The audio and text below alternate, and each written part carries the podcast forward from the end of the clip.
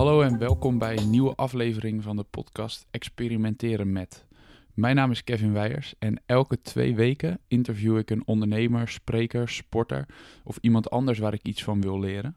Om te ontdekken wat ze zo goed maakt in wat ze doen en hoe ik daar zelf mee kan experimenteren. En jij dus ook. De podcast wordt mede mogelijk gemaakt door het Sprekershuis, het sprekersbureau waar ik bij ben aangesloten en die mijn aanvragingen, boekingen en alles rondom mijn praatjes regelen. En in deze aflevering spreek ik met Martijn Aslander. Martijn Aslander is schrijver, lifehacker en nog veel meer andere dingen, maar met name is hij een van de beste sprekers die ik ken. Toen ik zelf begon met het geven van presentaties, heb ik van Martijn en Kim Spinder, die in een volgende podcast voorbij gaat komen, verreweg het meeste geleerd. Waarom is Martijn de persoon om bij aan te kloppen voor advies over spreken voor groepen? Zelf viel hij bij zijn eerste lezing flauw. En nu geeft hij over de hele wereld ongeveer 200 presentaties per jaar. En iedereen die wel eens bij hem in de zaal heeft gezeten, weet dat hij de kunst van het spreken voor groepen zichzelf volledig eigen heeft gemaakt. Toen ik Martijn drie jaar geleden vroeg hoe ik een betere spreker kon worden, zei hij dat ik meters moest maken. Want, en nu komt het, de eerste 200 presentaties tellen niet. Inderdaad, de eerste 200. Martijns advies opvolgend ben ik toen de challenge aangegaan om 50 presentaties te geven in 15 weken. Maar hoe kom je als beginnend spreker überhaupt voor groepen? En hoe geef je vervolgens ook nog een goede presentatie? En wat doe je wel, wat doe je vooral niet? En waar kun je aan werken om beter te worden? Het zijn allemaal vragen waar Martijn in deze podcast antwoord op geeft. Dus of je nu zelf spreker wilt worden of af en toe voor je werk een presentatie moet geven, de tips van Martijn zijn universeel toepasbaar en gaan je helpen een betere, zelfverzekerde spreker te worden. Dit is aflevering 2 van Experimenteren met met Martijn Aslander.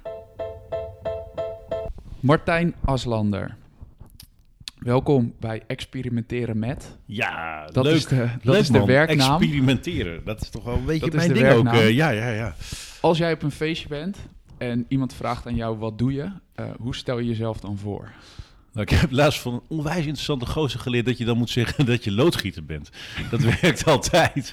En dan, eh, dan, ja, dan kun je gewoon een heel ander gesprek voeren. Ehm, het hangt een beetje van af op feestjes of ik mensen ken of niet. Eh, zeg maar wat er om me heen hangt aan, aan gezelschap. Eh, tegenwoordig eh, roep ik maar gewoon dat ik stand-up filosoof ben. En dat ik boeken schrijf. En dat mensen ehm, te lui zijn om ze te lezen. Dus dat je ook hier moet vertellen op allerlei podia wat erin staat. Oké, dus oh, dat is een goeie. Dus omdat je boeken schrijft en mensen niet lezen, word je uitgenodigd om dat op een podium te vertellen. Ja, en die grap is niet van mij. Die, eh, die, ik, de eerste die ik hem ooit zag maken was, eh, hoe heet die, eh, Jos Burgers van de marketingboeken. Oh, klopt. Ja. ja. dus toen dacht ik, dat is een leuke. Dus Is Jos ook een van de. ehm, als je in dat wereldje kijkt van sprekers, want dat is waar ik het vandaag met je over wil hebben. de vraag ook hoe word je een betere spreker? Of als je beginnend spreker bent, waar start je dan? ja. Eh, wat zijn spreker, andere sprekers waar jij inspiratie vandaan haalt of wat je ook qua vaardigheden een goede spreker vindt? Oh, een gewetensvraag om over vakbroeders dit soort dingen te zeggen. Nou ja, er zijn een aantal waar ik gewoon altijd van geniet. Dus laten we daar even mee beginnen. Ik, eh, ik geniet van het showmanschap van eh eh Ajit Bakas. Dat vind ik echt een meester in een show geven. Ehm, dat is weer heel anders dan iemand als Jos Burgers. Die, dus ook die, die, die doet maar dat zie je ook. Het zijn echt geroutineerde sprekers die het heel vaak doen. Ja. En die kunnen de mix tussen humor eh, en spelen met die zaal en met hun tijd. Dat vind ik echt heel knap hoe ze dat doen. En je hebt- zegt vaak, wat is voor jou iemand die Nou, vaak spreekt? 150 keer per jaar of meer. Oké, Zeg maar, dat is echt, eh, dan doe je het echt eh, vaak. ja. en ook langere tijd. En ehm, even kijken, ik vind het altijd geweldig om naar mensen als, ehm, ehm, hoe heet die, Mathieu Weggeman eh, te kijken. Ja. Hartstikke leuk. René ten Bos, dat is weer een filosoof. Dus ja, je hebt zo'n allerlei soorten. Maar het zijn zo wat namen die gelijk aan de oppervlakte Dat zijn komen ook heel veel me. mensen die heel veel humor in hun praatjes hebben. Ja, het is inhoud, vorm, humor. En ja, ik vind het de meest onderschatte lezerskill, of, eh, eh, sprekerskill. En dat is het lezen van de zaal. En dat grenst een beetje aan intuïtie en spiritualiteit en dat soort zaken. Maar het lezen van de zaal vind ik echt zo'n cruciale eh, vaardigheid als meesterspreker, zeg maar. Oké, Ja. nou, dat is meteen dan een mooi bruggetje. Ehm, want ik ben ooit drie jaar terug of zo, denk ik, met de vraag bij jou gekomen van... als ik vaker wil spreken of ik wil een beter... Of ik, ik zei volgens mij letterlijk van, ik wil vaker spreken. Hoe doe ik dat? En jij kwam toen met een aantal adviezen en dat waren niet allemaal adviezen met, met het antwoord op die vraag. Ehm, maar wat, wat- weet je, kan je nog herinneren wat je toen tegen mij hebt gezegd? Ik vermoed dat ik in elk geval gezegd heb... if you want to be on stage, you have to be on stage. Ja, precies. Dus eh, als je niet op een podium staat, kan niemand in de zaal tegen zijn eh, tegen zijn, eh, collega's of baas zeggen: hey, die moeten we hebben. Ja. Dus je moet gewoon zoveel mogelijk op een podium klimmen, zodat zoveel mogelijk mensen jou zien. En dan maakt het geen zak uit waar het over moet gaan, hoe lang je mag praten, of je er geld voor krijgt of niet. Ehm, als je dit vaak wil doen, dan moet je het dus gewoon vaak doen. En er zijn zoveel opportunities eh, waar je terecht kan komen als spreker. Dus er zijn zoveel rotaries en huishoud, eh, plattelandsvrouwbijeenkomsten. Eh, er zijn er genoeg. Je moet gewoon ergens beginnen. En je ergens beginnen. Hoe, hoe pak je dat dan aan? Nou, ehm, Of hoe zou jij dat aanpakken als je op dit moment opnieuw zou moeten beginnen? nou eh, kijk in even op Twitter en LinkedIn en zoek op sprekers gezocht. Nou, dan vind je mensen die sprekers zoeken. Die zeggen, hoi, ik ben een spreker. En als je dat dan nooit gedaan hebt, zeggen ze, en eh, hoe vaak heeft u dat dan gedaan? Dus nou, dan, dat, misschien willen ze dat dan niet. Maar je hebt natuurlijk genoeg open podia eh, eh, waar je gewoon een, kwartiertje of op een zeepkist kan gaan staan of zo. Ja, en daar zijn er meer dan genoeg van. Ik bedoel, Permanent Beta is een van de communities die waar ik co-founder van ben. Ehm, ja, we hebben zoveel opportunities voor beginnende sprekers om je verhaal te delen. Als het een beetje aansluit bij de onderwerpen van Permanent Beta. En ja, in heel Nederland is mijn waarneming dat er genoeg podia zijn waar je heus wel het voordeel van de twijfel krijgt als je een keer een kwartiertje wat wil doen. En moet je dan even loslaten dat je er geld voor wil krijgen? Dat moet je sowieso, eh, al- je moet altijd loslaten dat je er geld voor krijgt. Vooral als je er geld voor krijgt. Kun je dat uitleggen? Ja, ja, even, je moet niet op een podium klimmen eh, ehm, ehm, als je er niet per se wil staan. En als je er alleen maar gaat staan omdat je er geld voor krijgt, dan sta je echt heel erg op de verkeerde plek. Maar dat is mijn mening. En je hebt toen tegen mij letterlijk gezegd, dus iets in de trant van wat je net zei, maar de eerste 200 tellen niet. Nou ja, ik kom heel veel sprekers tegen die denken dat als ze 30 of 40 keer op een podium gestaan hebben en ze hebben eh, eh, bovengemiddeld vaak eh, applaus aan het eind. Dat geeft natuurlijk een geweldige adrenaline, kick. Het is een enorme ego boost en al dat soort zaken. Want je bent iets aan het doen wat de meeste mensen heel eng vinden. In je eentje, onbeschermd, zonder wapens, tegenover een grotere groep mensen met misschien een andere mening ben je gaan staan. Nou, dat, dat is iets wat bij de meeste mensen in de top 5 van doodsangsten staat, zeg maar. Ja. En die denken dan na 30, 40 keer, yo, ik ben een goede ervaren spreker. En mijn ervaring is, eh, maar dat is vanuit mijn perspectief dan, is dat dat niet waar is. Je moet echt een paar honderd keer onstage gestaan hebben, omdat je niet weet hoe je om moet gaan met onverwachte gebeurtenissen. En je moet nou eenmaal een behoorlijk aantal van dat soort sessies gedaan hebben, eh, om die routine te kunnen ontwikkelen. En ja, dat heeft echt te maken met het lezen van de zaal. Een mooi voorbeeld, ik was afgelopen jaar op, de Zwarte Cross. Dat is echt een behoorlijk gaaf, heftig eh, festival, grootste festival van Nederland in de Achterhoek. Eh, veel plattelandsfiguren figuren en eh, daar wordt vooral heel veel bier gedronken. En dat was heel leuk. En ik stond geprogrammeerd in de theaterweide en het regende dat het groot buiten. Dus de helft van mijn publiek eh, was eh, daar om te schuilen, kwam echt niet voor mij of voor mijn verhaal. En een kwart van, eh, van mijn publiek, dus de helft van die, die lui die kwamen schuilen, die waren ook nog eens dronken. Nou, dit zijn typisch situaties als spreker. Ehm, je, als je minder ervaring hebt en je, kunt, je, je, hebt, je hebt niet genoeg, eh, je kunt de zaal niet lezen, dan kun je ook niet spelen met die zaal. En in dit geval kreeg ik die hacklers, zoals wij ze professioneel noemen, die, eh, dus de ordeverstorers, die kreeg ik rustig en eh, daar kon ik mee spelen met het element. En dat lukt je gewoon niet na 30, 40 keer een lezing geven of zo. Dus dan moet je echt meters maken. Ik, ik vind van wel. En wat zijn dan de dingen als je voor de eerste paar keer op een podium gaat? Wat zijn dan de dingen die je vooral niet moet doen? Ja, ik vind eh, PowerPoint gebruiken. Eh, maar daar sta ik redelijk alleen in. eh, in er zijn, toch iedereen wil per se plaatjes. En hebben ze allemaal goede smoesjes en redenen om te zeggen... ja, nee, plaatjes is echt veel beter. Maar En hoe ik, doe jij dat dan? ik doe geen plaatjes. Ik, ik doe stand-up sinds, ik denk nu een half jaar. En ik ben er echt van overtuigd... als je geen plaatjes hebt, dan, dan, dwing je jezelf om beeldend te spreken. En als 80% van communicatie misschien nog wel meer non-verbaal is... dan moet je niet hebben dat ze de hele tijd schakelen tussen naar jou kijken en naar een plaatje. En voor je het weet kijken ze naar een plaatje van koe, weet ik veel. En gaan ze allemaal associaties maken waar jij ze met jou niet wil hebben, omdat jij met ze aan het praten bent. En mijn gut feeling is als je naar iemand zit te kijken die, die, die verhalend eh, bezig is en eh, beeldend spreekt. Eh, dat je, als je ook de mimiek en alles nog meeneemt, en die hele non-verbale eh, expressies, dat je dan veel dieper in het verhaal blijft hangen dan wanneer je naar plaatjes gaat zitten kijken. Want zou je dan juist dat aanraden ook aan beginnende sprekers? Omdat ik me Sowieso, kan- omdat die eh, beginnende sprekers die gebruiken allemaal PowerPoint als een, eh, als als een houvast. soort- Als een houvast. Ja, En eh, mijn gut feeling zegt van ja, als je, dat is een schijnzekerheid. Dus als je die gelijk erkent van oh, dat is een schijnzekerheid, laat ik die gelijk maar loslaten. Ja, dan ga je een paar keer nat. Maar je staat aan het begin van je carrière. Dus ja, het maakt helemaal niet uit dat je een paar keer nat gaat. Dat hoort er juist bij. ja, maar dat nat gaan in combinatie met dat het een van de in de top 5 staat, dingen staat van de engste dingen om te doen. Nou ja, maar je stond er toch al. En de ervaring is, ehm, eh, de laatste paar honderd jaar zijn er niet zoveel mensen doodgeschoten op een podium. Eh, alleen Pim Fortuyn en Theo van Gogh hebben het zwaar gehad. Maar dat is anders, zeg maar. Het is veilig daar. En als je niet bereid bent dat aan te gaan, ja, eh, doe het dan gewoon niet of zo. Ja, precies. Dus je moet dan wel een beetje dat risico nemen. Ja. Ehm, ben, je, ben je zelf wel, je bent zelf wel een keer neergegaan op een podium, toch? Ja, de eerste keer. De eerste keer eh, had ik 700 man eh, of zo in de zaal en ik, ik viel flauw op het podium. Ik werd buiten wakker. Dat is echt een rare ervaring. Ja. Eh, Zenuwen, wedstrijdspanning. en ik wilde het heel graag goed doen. Maar ik had, een, ik had een script gemaakt, dus ik had me echt voorbereid, goed voorbereid. En Mhm. ja, ik wilde me ook aan het script houden, want Ja. het was wel belangrijk. En daar ben ik nat op gegaan. Dus sindsdien bereid ik me ook nooit meer voor.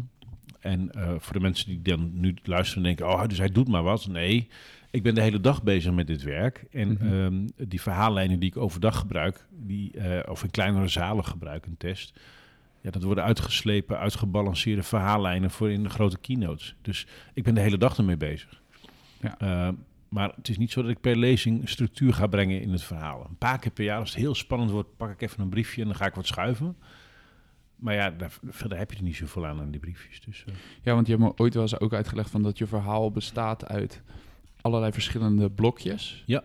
En dat je van tevoren gewoon een, be- een beetje puzzelt. En dat is een beetje Martijn taal van gewoon een beetje puzzelen met in welke volgorde ik dat dan vertel. Ja, en dat heeft ook weer te maken met eh, eh, kijken wat er in de zaal gebeurt. Dus eh, de, de- hoe ik werk, en daarom noem ik dat ook stand-up, eh, lijkt op zich best veel van eh, stand-up comedians, die ik veel heb eh, gezien van dichtbij. Kijk, je, wat je doet is, je hebt een aantal verhaallijntjes waarvan je weet, ik heb hier wat te pakken. Ik kan hier een mooi punt mee maken of een goede grap mee maken om daarna weer inhoud eh, over de bühne te krijgen. En eh, wat je hebt, na verloop van tijd, heb je gewoon verhaallijntjes die eerst twee, drie minuten content waren. En die kun je later uitwalsen tot een langer verhaal, wat soms misschien wel een tien minuten kan duren. En eh, dus het zijn soort harmonica-verhaaltjes die een korte en een lange versie hebben, en een snelle en een langzame, eh, en een Jip en Janneke taalversie en een, en een vaktaalversie. En wat ik eigenlijk doe bij mijn lezingen is uit een enorme voorraad anekdotes en persoonlijke verhalen en inzichten put ik en heb ik verhaallijntjes klaar liggen, maar ik creëer ter plekke ook nieuwe verhaallijntjes. En als je zo werkt, dan hoef je het niet voor te bereiden, maar dan kun je acuut daarmee inspelen op wat gebeurt er in de zaal. Wat heeft de vorige spreker gezegd? Wat is vandaag in het nieuws over hun? Of misschien is er ergens een bom ontploft op Centraal, je weet het nooit.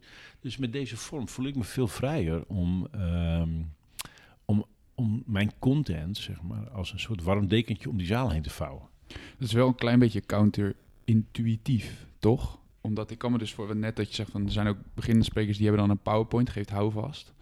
Ehm, maar dat is dan in, jouw ogen echt schijnzekerheid. Dus dat je één verhaal hebt wat je goed kent. Nou, de pest van slides is dat je ziet dat mensen denken: ja, maar ik moet nog vijf slides. Dus, dus dan ben je bezig met de slides, niet met de zaal. ja, dat je het binnen de tijd afmaakt. En de pest van slides is, eh, daar zit een, dat is een lineair verhaal. Dus je moet van slide 1 naar slide 2 naar slide 3 om je punten te maken. En ik kan nu, doordat ik geen slides heb, moeiteloos schakelen tussen... Nou, ik heb bedacht dat ik ongeveer eh, punt 1 tot en met 10 wil maken in die volgorde. Maar het kan best zijn dat ik dan eh, ter plekke ontdek, eh, op basis van reacties uit de zaal... of omdat ik inspiratie heb, dat ik punt 3 en 4 niet moet maken... en dat ik punt 38 er wel bij moet slepen. Hey, en dan zeggen sommige mensen van ik wil wel spreken, maar ik heb geen verhaal. Nou, Wat zeg je daartegen? echt iedereen heeft een verhaal. Ik zeg niet dat iedereen spreker moet worden, dat is een heel ander hoofdstuk. Uh-huh. Maar er zitten zoveel verhalen in alles. Ik bedoel, ehm, sinds ongeveer anderhalf jaar is Pokémon Go een vast onderdeel van mijn verhaal. En je ziet echt mensen kijken, Pokémon Go, gaat hij daar nu over praten? Hé, Pokémon Go? En ik kan echt een kwartier, twintig minuten zwaar inhoudelijk over Pokémon Go praten. En, en van de week gebeurde er weer iets. Dit was antwoord op je vraag van, goh, uh, heeft, heeft iedereen een verhaal? Afgelopen week heeft Pokémon Go uh, um, de weersomstandigheden geïntegreerd in de app. En het bizarre daaraan is, als ik, als ik in een afgesloten ruimte ben, ik wil weten wat voor weer is het buiten, dan is de Pokémon Go-app op dit moment de meest, de beste weerspiegeling van hoe het weer er buiten uitziet. Dus niet in, in grafiekjes met er komt regen of het sneeuwt heel hard of een beetje. Nee, je ziet real-time in die app dat het snoeihard aan het sneeuwen is. En dat raakt met die augmented reality zo hard aan, aan, aan ja, compleet nieuwe mogelijkheden. Dus een, een simpele software-update van Pokémon Go Mhm. zorgt ervoor dat ik daar binnenkort gewoon 6, 7 minuten lang inhoudelijk over kan praten, met humor. Ja. En nou ben ik getraind in, god, er komt een klein dingetje langs en daar kan ik dan een verhaal van maken. Maar in ieders leven zitten allemaal verhalen die de moeite waard zijn om, om te delen. Alleen je moet uitvogelen op welke manier en op welke plek ga je het hoe vertellen. Dus dan gaat het erom dat je heel erg oplet wat er om je heen gebeurt en hoe je dat kunt verwerken in je verhaal. Ja, er zit even ehm ehm, Erwin Witteveen, met wie ik eh, nooit afschreef, een. Die stond een keer in de, in de rij bij een kassa. En eh er was een jongetje en had te weinig geld bij zich eh, voor, voor twee blikjes cola. En dat bleek uiteindelijk een soort afrondingsspelletje te worden bij de cashier. En we zei tegen Jochie van, nou, ja, je moet geen twee blikjes cola kopen, maar één blikje. Dan krijg je genoeg wisselgeld, kun je nog een blikje kopen. Want dan was het afgerond, komt het Mhm. beter uit. Heeft hij een soort... Nou, dat, dit is iets wat iedereen kan overkomen. Zo'n Ja. zo'n zo'n ingeving of zo'n gebeurtenis. En vervolgens weet hij dat uit te tikken naar een klein stukje in NRC Next of NRC, een ikje heet dat geloof ik. En vervolgens is dat, eh, weet ik veel, drie, vierhonderdduizend keer gedeeld door alles en iedereen. En kan hij er nu weer een verhaal over houden op een podium. Dus zo'n klein incidentje kan zomaar een heel verhaal worden. En dan heb je natuurlijk, als je op het podium staat, dan heb je wat betere sprekers en wat, misschien wat minder goede sprekers. Of kun je dat, Dat is altijd zo, ja. vergelijken met ook van dat je het voor een deel misschien, ja, je, je bent nu eenmaal een wat betere spreker dan, dan een ander, maar je kunt een hoop daarvan leren. want- En dat gaat over het lezen van de zaal. Ja. Ehm, wat zijn eigenschappen voor, voor jou van een, van een goede spreker? Een goede spreker. Nou, die houdt zich in elk geval aan de tijd. Oké. Dus je moet niet de tijd. eh, eh, eh, mensen willen naar huis. we hebben oppas geregeld. ehm hebben vervolgafspraken, whatever. Dus als je een uur mag praten, dan moet je een uur praten. En als de zaal smeekt om langer te praten, dat kan dan altijd. Maar je moet je wel niet tijd houden. Dus dat vind ik wel een hele belangrijke.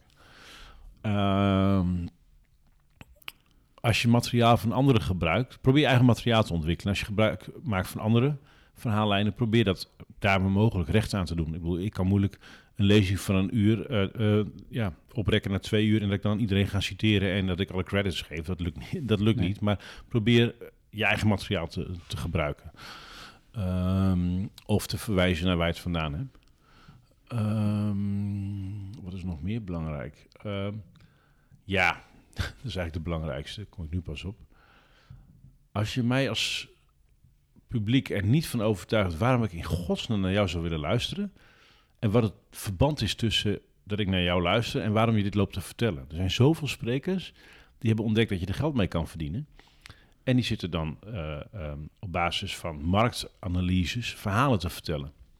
Dat is prima. Dat gaat, de mensen betalen ervoor, dat zal wel goed zijn.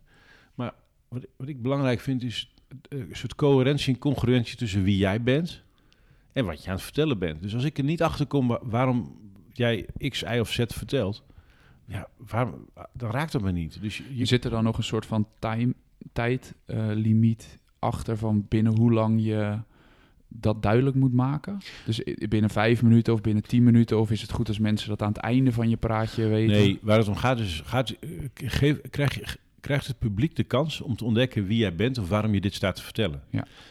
Als het publiek niet die verwondering van jou of die, die, of die, die verontwaardiging kan zien over die inhoud, dan is het veel lastiger om, om je daarmee te verbinden, zeg maar. Ik denk dat een goede spreker weet, zeg maar, wie hij is en wat hij doet en wat hij vertelt, eh, dicht bij elkaar te houden. En, en, eh, eh, en omgekeerd, slechte sprekers, er zijn ook hele succesvolle slechte sprekers trouwens. Ehm, ik zal geen namen noemen, maar daar is die coherentie en die congruentie echt niet op orde. En dan denk je, ja, je kunt wel een verhaal opdreunen, maar als ik het niet voel, ja, dan voel ik het niet. Ja. En dan komt het toch minder diep binnen. En dan nog, nog een stukje over promotie. Je zei net, je kan op LinkedIn zoeken en er zijn allerlei dingen die je kunt doen. En waarschijnlijk is op een podium staan de beste promotie die er is, omdat mensen dan daadwerkelijk eh, kunnen zien. Maar, maar stel nou dat je nog iets anders zou willen doen om Oh, dan kun je te laten wat- zien dat jij spreker bent. Dat is een beetje wat jij gedaan hebt. Eh, het allerslimste wat je kan doen is met andere sprekers mee op stap gaan. Eh, maar dat is met elk vakgebied zo. Dus even in je overkoepelend in je hele podcast. Als je Aha. iets wil leren, blijf in de buurt van lui die het al kunnen. Ja. Dat is de slimste manier. Klop op de deur, wees nederig en zegt... joh, mag ik een tijdje met je meelopen? Dat mag bijna altijd bij leuke lui. En ehm, blijf bij sprekers in de buurt. En ja, er zijn ook heel veel sprekers eh, die hebben zoveel aanvragen... dat ze heel vaak niet kunnen. Nou, kijk eens even of je, daar, of je jezelf daartussen kan wurmen. Vanuit het, dat je oprecht een band met zo iemand wil opbouwen en ook daadwerkelijk van iemand wil leren, toch? Want anders Eh. prikt iemand daar waarschijnlijk ook alweer doorheen. Ja, maar ik, nou, dat hangt vanaf. Eh, als iemand eerlijk zegt, Martijn, mag ik misbruik maken van jouw netwerk? Nou ja, als je er eerlijk bij zegt, dan vind ik dat niet erg. Dus, dus, dus ik heb niet zoveel met die band. Als mensen maar eerlijk zijn. Dus eh, ehm, vragen staat vrij. Oké. En, en ehm, ik heb toen op basis van jouw advies heb ik geprobeerd om er een challenge van te maken. En ik heb toen gekeken of ik 50 presentaties kon doen in 15 weken. En ik heb toen waardebepaling achteraf getest. Mede omdat jij zei van, jij deed dat toen. En misschien kun je zo even uitleggen wat dat is. Maar ehm, waardebepaling achteraf. En iedereen zegt dat werkt alleen maar voor Martijn. Ja, En toen zei je, als jij dat nou ook doet, dan weten we gelijk dan weten we of ja, dat of ook er werkt voor- één iemand is voor wie voor dat werkt. Kevin. Ehm, en het werkte zeker. Het is even afhankelijk van waar je succes aan toekent. Ja. Hè? Of, of het puur gaat om, om het aantal euro's wat je aan het einde van de streep eh, overhoudt. Of dat er ook andere dingen zijn waar je naar kijkt. Ehm, maar, maar waardebepaling achteraf. En het is een beetje het grotere thema van wat, wat vraag je voor een praatje. Maar toen waardebepaling achteraf. Kun je uitleggen wat dat is en waarom jij dat heel lang gebruikt hebt? Ja, nou ja, dat is, eh, hangt samen met eh, if you want to be on stage, you have to be on stage. Dus ik heb heel lang het onderwerp pricing gewoon vermeden. En zeg, ja, wat, wat is een lezing waard? Nou, daar kun je op allerlei manieren naar kijken. Ik ken een professor in Groningen die zegt... eh, voor een praatje van vijf uur vraag ik 500 euro. Voor een praatje van vijf minuten vraag ik 5000 euro. Want een, kort praatje is veel moeilijker, is veel harder werken, dus dat is duurder. Ja. Dat staat natuurlijk haaks, Haaks, op ja. eh, logica die we ook zouden kunnen dat je af en toe te horen krijgt, maar je bent er maar een half uur. Ja, nou, dat soort zaken. En dan, en dan kun je ook weer zeggen, nee, ik heb drie dagen voorbereiding nodig. Of mijn hele leven voorbereid. Dus ik vind pricing in lezingen geven ingewikkeld. Eh, maar er bestaat ook zoiets als de markt. Nou, wat ik echt 10, 15 jaar lang volgehouden heb, is gezegd, bepaal achteraf maar wat het je waard is, om een paar redenen. Ik hou niet van gedoe, gezeur, onderhandelen, offertes, al dat soort zaken. Dus dat vind ik, ik, word daar niet blij van. Ik heb geen zin in dat gedoe.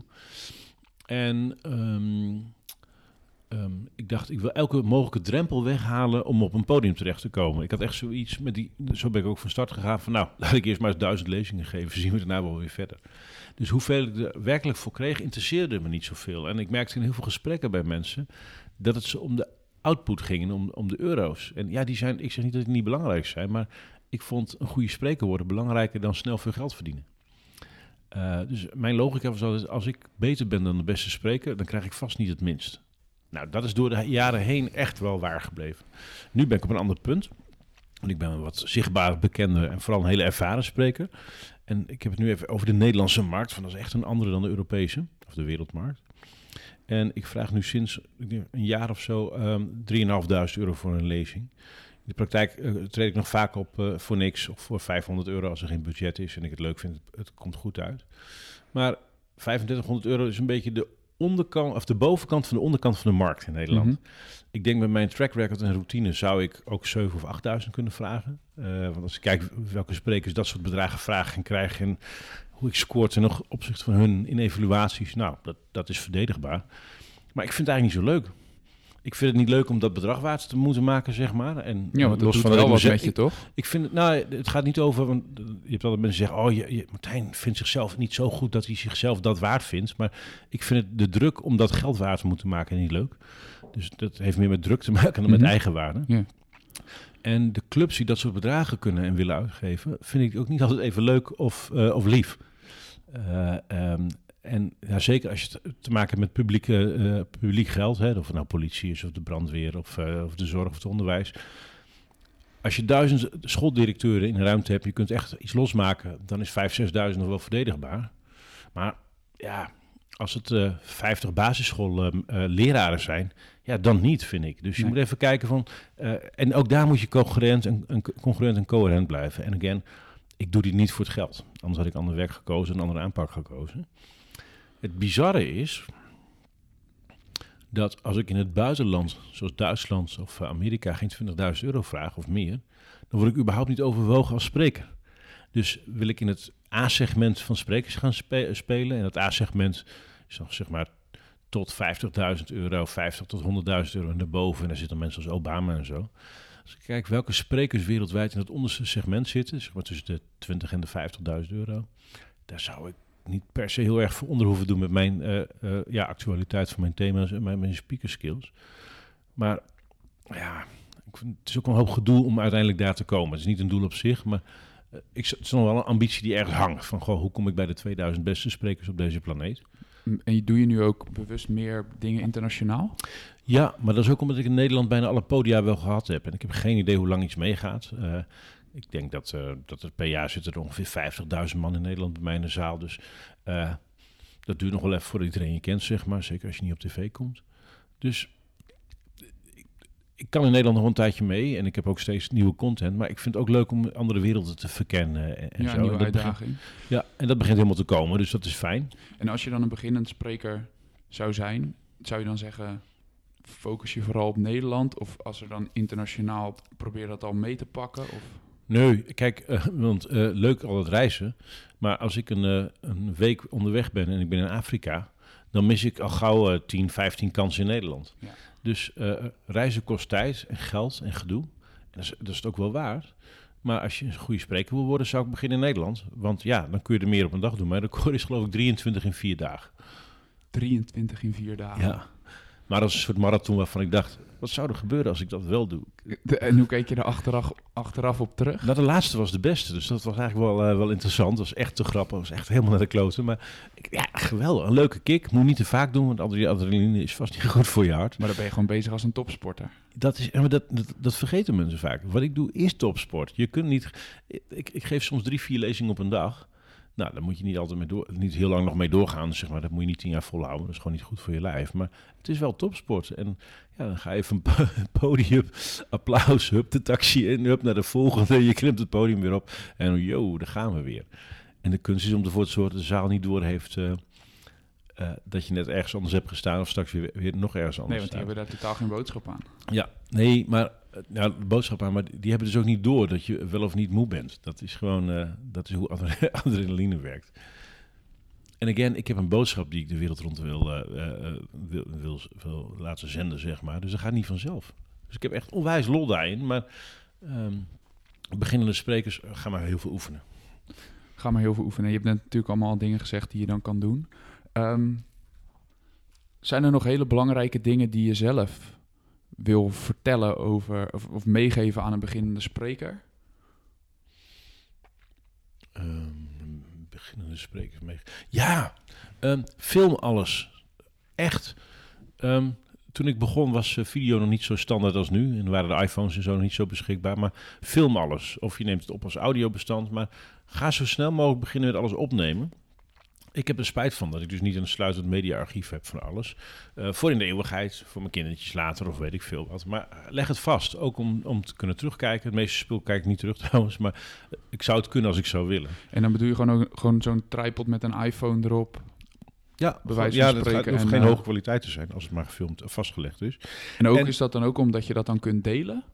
Eh, dat kan. Even veel van mijn content deel ik via mijn eigen kanalen. Dus dat vind ik leuk. Ehm, en, en er zijn altijd meer mensen niet in de zaal dan wel. Dus nou ja, dat is handig dan als je iets te vermelden hebt wat je dan kunt verspreiden. Eh, andere trucjes. eh, wat je kan doen is vragen of iemand het wil transcriberen. Er is altijd wel iemand die het wil uitschrijven. Nou, als je dan daar een mooie vormgever tegen aangooit, heb je weer een, een long read en een prachtig e-document erbij. Ja. Die kun je ook nog weer vertalen. Dan heb je in andere landen wat aan. Dus je kunt heel veel content vaker gebruiken en recyclen. Eh, en ja, ga leren het, eh, hoe je een verhaallijntje uit kan walsen. Dus, eh, dus Zijn er andere soort van cursussen of trainingen die je kunt doen ja, dus even om, de, om, de, maar om even- een betere spreker te worden, die misschien zijn- niet direct gerelateerd zijn aan spreken? Ja, even. Ik krijg zo vaak, dat komt omdat ik uit Drenthe kom, te horen dat ik wat aan mijn articulatie moet doen. En toen ben ik, dat, heb- dat, hoor ik een paar keer per jaar. Maar Martijn, je zou nog betere spreker worden als je dat doet. En dan, ben ik, dan ga ik een beetje nadenken. Ik weet dat ze gelijk hebben, maar hoeveel moeite moet ik doen om dat aan te leren? En wat is het rendement daarvan? En ik geloof heilig dat eh, bevlogen, passievol enthousiasme aanstekelijk werkt. En dat mensen dan die... Ik krijg nu heel vaak 8, 9, soms een keer een 10 bij een optreden. Ja, moet ik dan voor die paar tiende procenten dan nog een hele cursus gaan doen? Ik denk, nou, nee, ik laat het gewoon zo voor wat het is. Maar je had het net bijvoorbeeld over stand-up comedy. Ja, maar Is stand-up dat is... iets waar je veel van kan leren? Of waar Ja, jij veel van geleerd hebt? Ja, ik, ik ben geen comedian, dus ik kan geen stand-up comedy. Maar ik heb wel gezien hoe het format werkt. En hoe je, again, verhaallijntjes kunt oppikken, kijken hoe mensen reageren en hem dan langer maakt. Dus je kunt kijken waar, waar valt de grap, waar valt de stilte, waar, waar kun je tempo pakken. Eh, dus je kunt wel degelijk heel veel leren van stand-up comedians. En ehm, wat vooral belangrijk is, denk ik, om te leren, is dat je heel snel kan schakelen. Dus, om, dus dat vrije format van, van stand-up zorgt er wel voor dat je veel sneller en snappier moet worden. En dat is toch wel iets wat het publiek leuk vindt, merk. Want als ik nu zo met jou praat, kijk, ik weet dat omdat ik je een beetje ken. Maar je neemt dit echt bloedserieus. Dit spreken, toch? Eh, En, en dat is wat ik ook... Ik heb Jozef Oebelkas geïnterviewd, eh, ook voor de podcast. Die zit in een eerdere uitzending. En Jozef die benadert het ook als topsport. ja, maar dat is het ook. Maar, maar ik merk tegelijkertijd, en dat is de reden waarom ik het benoem... dat heel veel mensen die spreken, die doen dat er een beetje bij. Ja, je, hebt- een hoop snabbelaars. En er- is niks mis, geen waardeoordeel. Eh, dus als je dit goed kan en je kunt er geld mee verdienen, is prima. Maar ja, I've als got je a message to spread. Ja, Maar als je begint en je wilt echt beter worden... dan kun je het bijna niet zien als iets wat je er dan een beetje bij doet. ja dat kan wel. Alleen het duurt veel langer voordat je bent waar je wil zijn. Ja. Hangt van je haast af. Ik heb gewoon echt tien jaar de tijd genomen. Maar dan moet een beetje bijpassen. Het past wel bij wie ik ben. Gewoon te denken, waar wil ik uitkomen? Oké, nou, volhouden. Ja, want heb je dat tien jaar geleden toen Ik heb echt bedacht van, bedacht? ja, ja, ik heb echt bedacht van, ik ga meters maken. Ik ga, ik ga heel veel oefenen. Nadat ik die ene keer was flauw gevallen, ben ik echt de eerste twee jaar ben ik, eh, heb ik mezelf eh één keer per twee maanden geloof ik opgesloten in een ruimte en heb ik mezelf gedrild om voor wie er maar kwam opdagen. De ene keer zaten er vijf, dan een keer zaten er vijftien, om vier uur lang te praten, zonder plaatjes, zonder voorbereiding, zonder pauze. Zonder voorbereiding, zeg je. Ja, Dus gewoon staan. staan en, en kijken wat er komt. eh, leren spelen met de zaal, vragen stellen aan de zaal. En dat hele spel heb ik gewoon twee jaar lang erin geslepen. Ehm, hoe kies jij überhaupt ehm, waar je mee... wat- Net, net even een doelen stellen. Hoe kies je überhaupt waar je mee bezig bent? Waar je je energie in stopt? Eh, van allemaal activiteiten. Ja? Oh my god. Ik heb geen idee. Het heeft te maken met eh, de energie op dat moment. En of het aansluit bij andere dingen. En of ik, of ik de humor of de, ervan inzie. Of dat ik denk, oh, daar kan ik wat van leren. Ik, ik, ik ben niet zo goed. zo grappig. Ik, ik ben niet zo eh, van het ingezoomd zijn. Ik ben de hele tijd uitgezoomd, waardoor alles wat er langskomt. Ik denk, oh, dat is leuk, dat is leuk. Dus ik kies eigenlijk niet zoveel. Ik doe gewoon heel veel, wel. Maar er zijn geen criteria op basis waarvan je zegt van... dit doe ik wel of dit doe ik niet. Of, Ik heb geen, ja, die zijn er vast wel, maar geen harde criteria. Geen En die- harde. eh, En, die, en die verschuiven ook per jaargetijden of whatever. als jij maar drie mensen zou mogen volgen waar jij informatie vandaan haalt... welke drie mensen zouden dat dan zijn? Yo, drie, dat is echt heel weinig. Van wie ga ik dan informatie halen? Eh, Tim Urban. Kun je uitleggen wie dat is? Ja, die heeft een blog, dat heet Wait But Why. En die, die kan zo krankzinnig goed met taal complexe dingen rondom technologie duidelijk maken. Dat is echt bizar. Die man is echt een genie. Hij heeft een hele serie gedaan over Elon Musk. hè? Onder andere, ja. En, dus dat is echt wel iemand die ik in de gaten zou houden. Dat is trouwens een grappig, zodat ik je onderbreek, maar hij schrijft hele lange blogs. Ja, extreem langer. Ja, daar moet je echt voor En die zijn juist zijn relevant. echt, ja, En dat gaat compleet in tegen dat van de mensen hun concentratieboog is Ja, eh, steeds korter. Dat klopt. Maar ja, en je zei ook, je mag maar drie volgen. Dus ja, dan is het ook niet echt dat ze heel lang, lang Nee. zijn.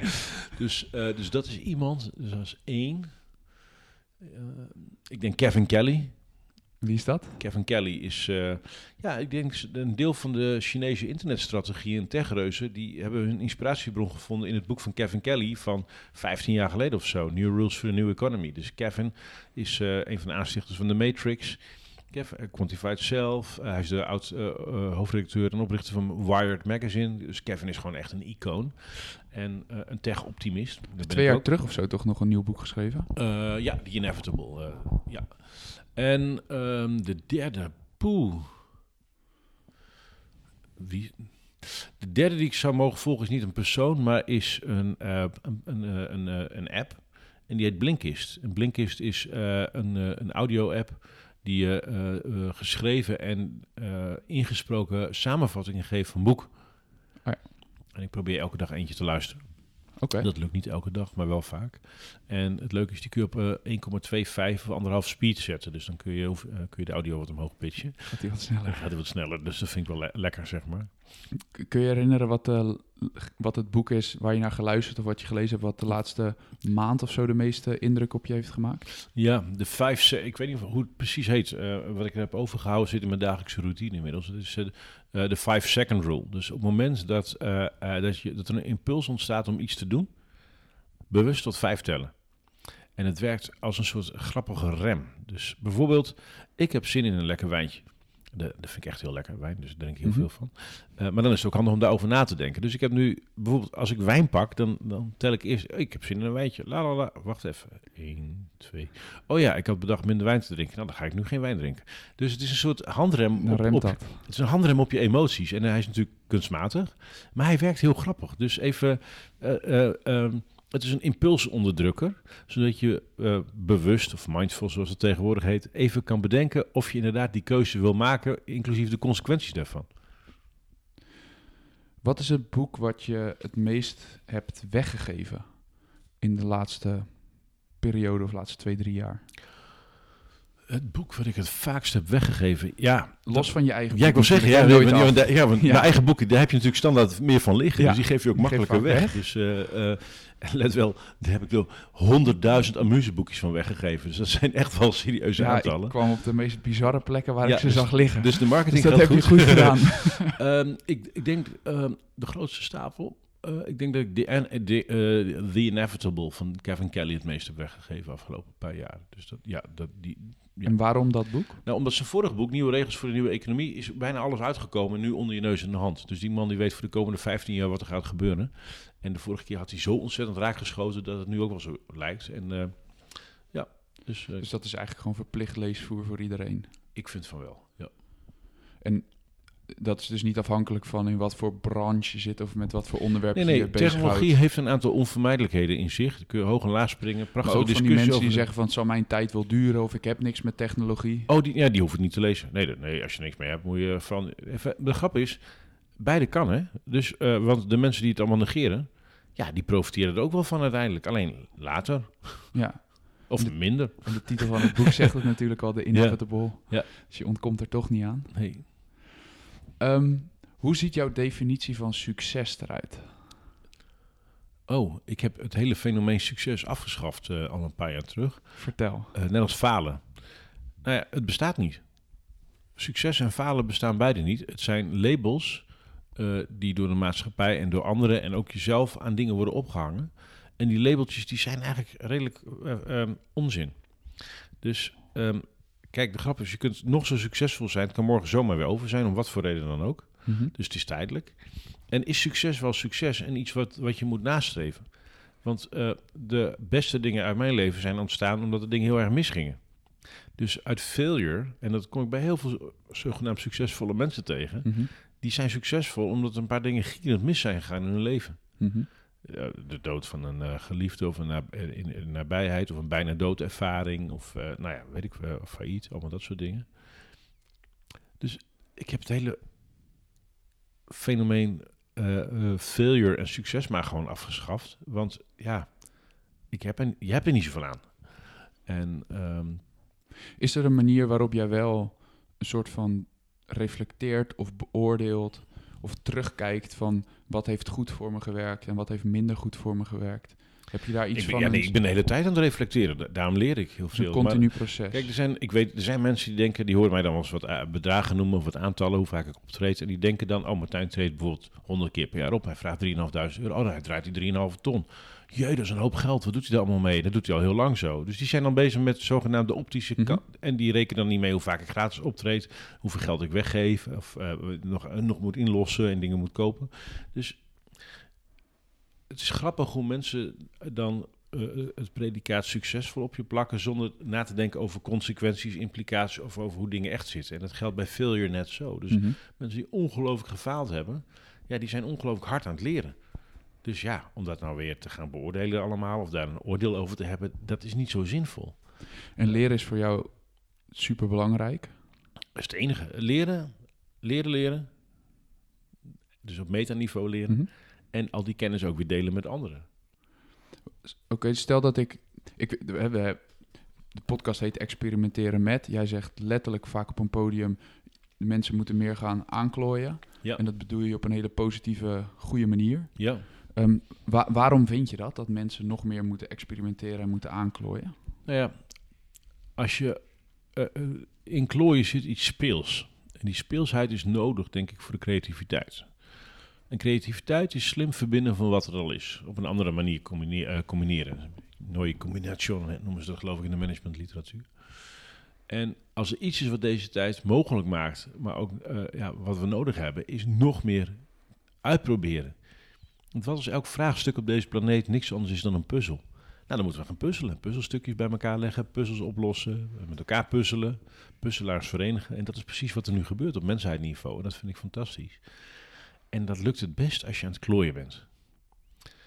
Want je bent aan het klooien, je prutst wat. En op een gegeven moment denk je, hé, hey, dat is grappig. Als ik dit doe, gebeurt er dat. Nou, dat is geinig. Zo, zo, wordt zo is de gloeilamp uitgevonden.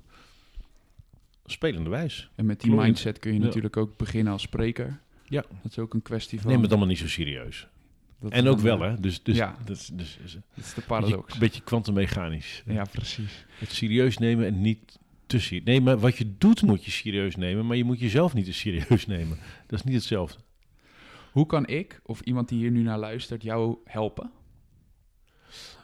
Ehm, nou ja, het meest praktisch, ehm, maar die zit voor in mijn hoofd omdat ik hem erin geslepen heb. Ehm, als je in, mensen kent die in het buitenland lezingen eh, organiseren, eh, met name Duitsland is even een focuspunt, daar kan ik alle hulp gebruiken. Dus als je iemand kent die sprekers nodig heeft in het buitenland, daar moet ik echt eh, ja, opnieuw beginnen, zeg maar, met mijn Mhm. sprekerscarrière. Dus als je dat weet, dan heel graag. Ehm, als je het leuk vindt om kennis te delen rondom kunst, technologie en wetenschap, ja, eh, kom naar de Permanent Beta community te vinden op permanentbeta.nl. Eh, ja, d- doe mee aan onze bijeenkomsten. We hebben er meer dan duizend kennisdeelsessies gehad in een paar jaar tijd. Dus eh, twee keer per jaar een grote Permanent Beta dag. Ja, eh, sluit je daarbij aan. Ga lekker klooien en ontdekken. En ehm, ja, en lees. The difference between where you are now and in five years depends on the quality of books you've read. Dus ga Oké, veel nog even lezen. drie, nog drie boekentips dan. Drie boekentips. God. Eh, nou ja, eh, Abundance van Peter Diamandis. Eh, lijkt me belangrijk. Ehm, eh, The End of Power. Why Being in Charge Isn't What It Used to Be. Van Moses Naim. En ehm, ja, heel lichtzinnig en, en frivol, maar de nieuwe Dan Brown. Eh, Origin. Ehm, het is een typische Dan Brown. Het is eigenlijk een soort nieuwe James Bond met achtervolgingen en wetenschappers en geheime codes en toestanden. Het loopt altijd goed af.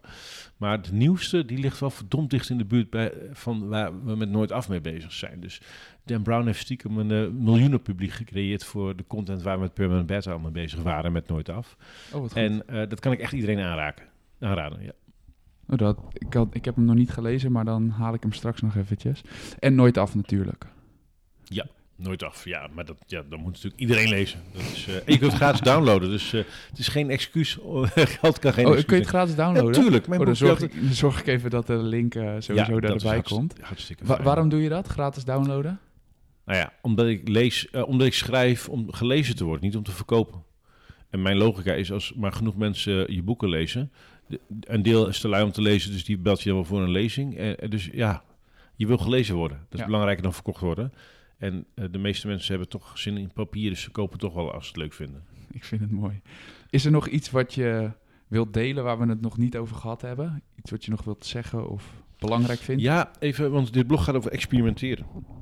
En um, um, wat ik leuk vind om te delen, omdat ik er even weer middenin zit, het gaat met ups en downs al jaren, is het, uh, het uh, aanleren van um, nieuwe routines. En uh, wat mensen denken van ja, ik moet alles nu anders gaan doen, ik ga allemaal nieuwe routines aanleren. Je kunt niet op één dag 30 routines aanleren. Die moet je stap voor stapje erin slijpen. En ik gebruik sinds een tijdje een uh, nieuwe app, die heet Productive. En in Productive kun je allerlei soorten gewoontes aanleren. Bijvoorbeeld elke dag groente eten, of je tanden poetsen, of je kilometer administratie doen. En uh, die zorg ervoor dat je elke dag heel bewust bezig bent met die nieuwe habits. Maar je kunt er ook omgekeerde habits in stoppen. Bijvoorbeeld geen wijn drinken vandaag. Het is heel grappig om op die manier met jezelf en met je dagelijkse routines te experimenteren. En uh, ja, veel mensen die uh, rust aan hun hoofd hebben en uh, goed bezig zijn. Ik, ik vermijd het woord succes maar even een tijdje. die, ehm, die, die kunnen dat omdat ze gewoon een goede discipline hebben. en omdat ze een aantal dingen die goed voor ze zijn, ja, goed scherp op de radar houden en zichzelf daarmee confronteren de hele tijd. En ook dingen die niet goed zijn voor ze. Dus things not to do. En ja, daar bewust mee bezig zijn uh, en spelen met al dat soort apps, uh, uh, kon je wel eens een handje helpen in beter worden dan wie je nu bent. Ik heb altijd, als ik met jou aan het praten ben, dan denk ik steeds meer. Maar ik wil hem wel een klein beetje binnen de tijd houden. Maar ik heb nog één vraag. Want je hebt twee kleine kinderen. Ja. W wat is een vaardigheid waarvan jij sowieso gaat zorgen dat jouw kinderen die beheersen? Voor de toekomst. Schaamteloos vragen stellen schaamteloos vragen stellen. En waarom die? Altijd en overal. Omdat het enige is wat je echt nodig hebt op deze planeet. Zodra je die, die onder de knie hebt, dan gaat de rest vanzelf. Waarom, waarom denk je dat? Omdat dat de reden is dat jij hier nu zit. Omdat ik heb gevraagd of je in de podcast wilde. Omdat je ooit gevraagd hebt of je met me mee mocht lopen. En het is... Tof, sluiten we daarmee af. Martijn, onwijs bedankt voor je tijd. Ja, jij ook uh, voor je komst naar uh, uh, het Haarlemse, hier in het winterweer. En fijn om te zien hoe je bezig bent. Dat was mijn interview met Martijn Aslander voor een overzicht van alles waar we het over gehad hebben en linkjes naar apps en boeken die Martijn genoemd heeft, kun je gaan naar www.kevinweijers.nl slash Martijn. En Weijers is met W-E lange ei. En dan wil ik je voor nu bedanken voor het luisteren. En over twee weken komt de volgende podcast uit.